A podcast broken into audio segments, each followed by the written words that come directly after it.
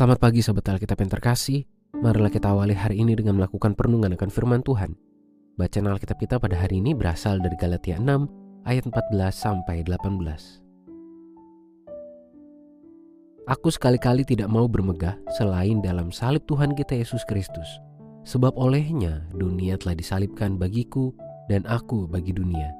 Sebab bersunat atau tidak bersunat tidak ada artinya, tetapi menjadi ciptaan baru itulah yang ada artinya.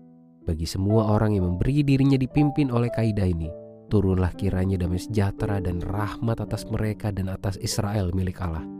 Selanjutnya janganlah ada orang yang menyusahkan aku, karena pada tubuhku ada tanda-tanda milik Yesus. Anugerah Tuhan kita Yesus Kristus menyertai roh kamu, saudara-saudara. Amin. Nampaknya Paulus menyadari bahwa sebagai pemimpin jemaat, ia memiliki peran dan dampak yang sangat besar terhadap seluruh komunitas iman yang ia layani, termasuk jemaat di Galatia. Di tengah kondisi yang demikian, cara pandang dan prinsipnya akan sangat berpengaruh terhadap respons yang ia berikan terhadap posisi penting yang ada pada dirinya. Paulus dapat menyikapinya dalam kesombongan atau kerendahan hati. Ia pun memilih untuk menjalani perannya dalam kerendahan hati dengan kesadaran bahwa seluruh perjalanan hidup dan setiap karya pelayanan yang ia lakukan beralaskan pengorbanan Kristus yang tanpa syarat. Paulus menyadari bahwa tidak ada alasan baginya untuk bermegah atas setiap pelayanan yang ia kerjakan demi kepuasan apalagi kemuliaan dirinya sendiri.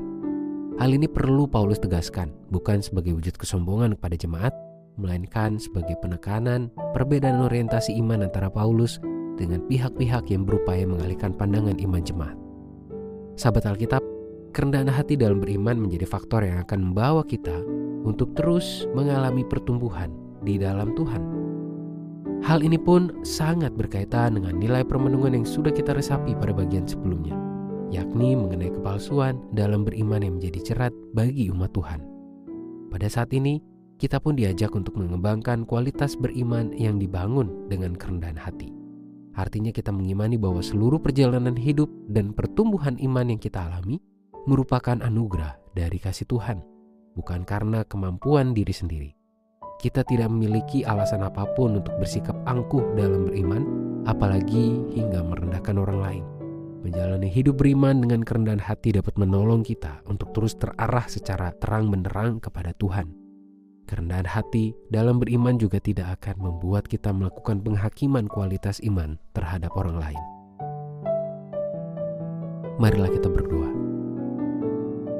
Tuhan di dalam kasih-Mu yang tanpa syarat, biarlah kami juga bertumbuh dalam kerendahan hati, mengakui bahwa seluruh proses kehidupan kami dan perjalanan iman kami semuanya hanya dapat terjadi karena kasih Tuhan.